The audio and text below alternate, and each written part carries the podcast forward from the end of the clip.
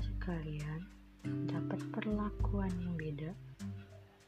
Padahal ada, ada di satu circle yang sama.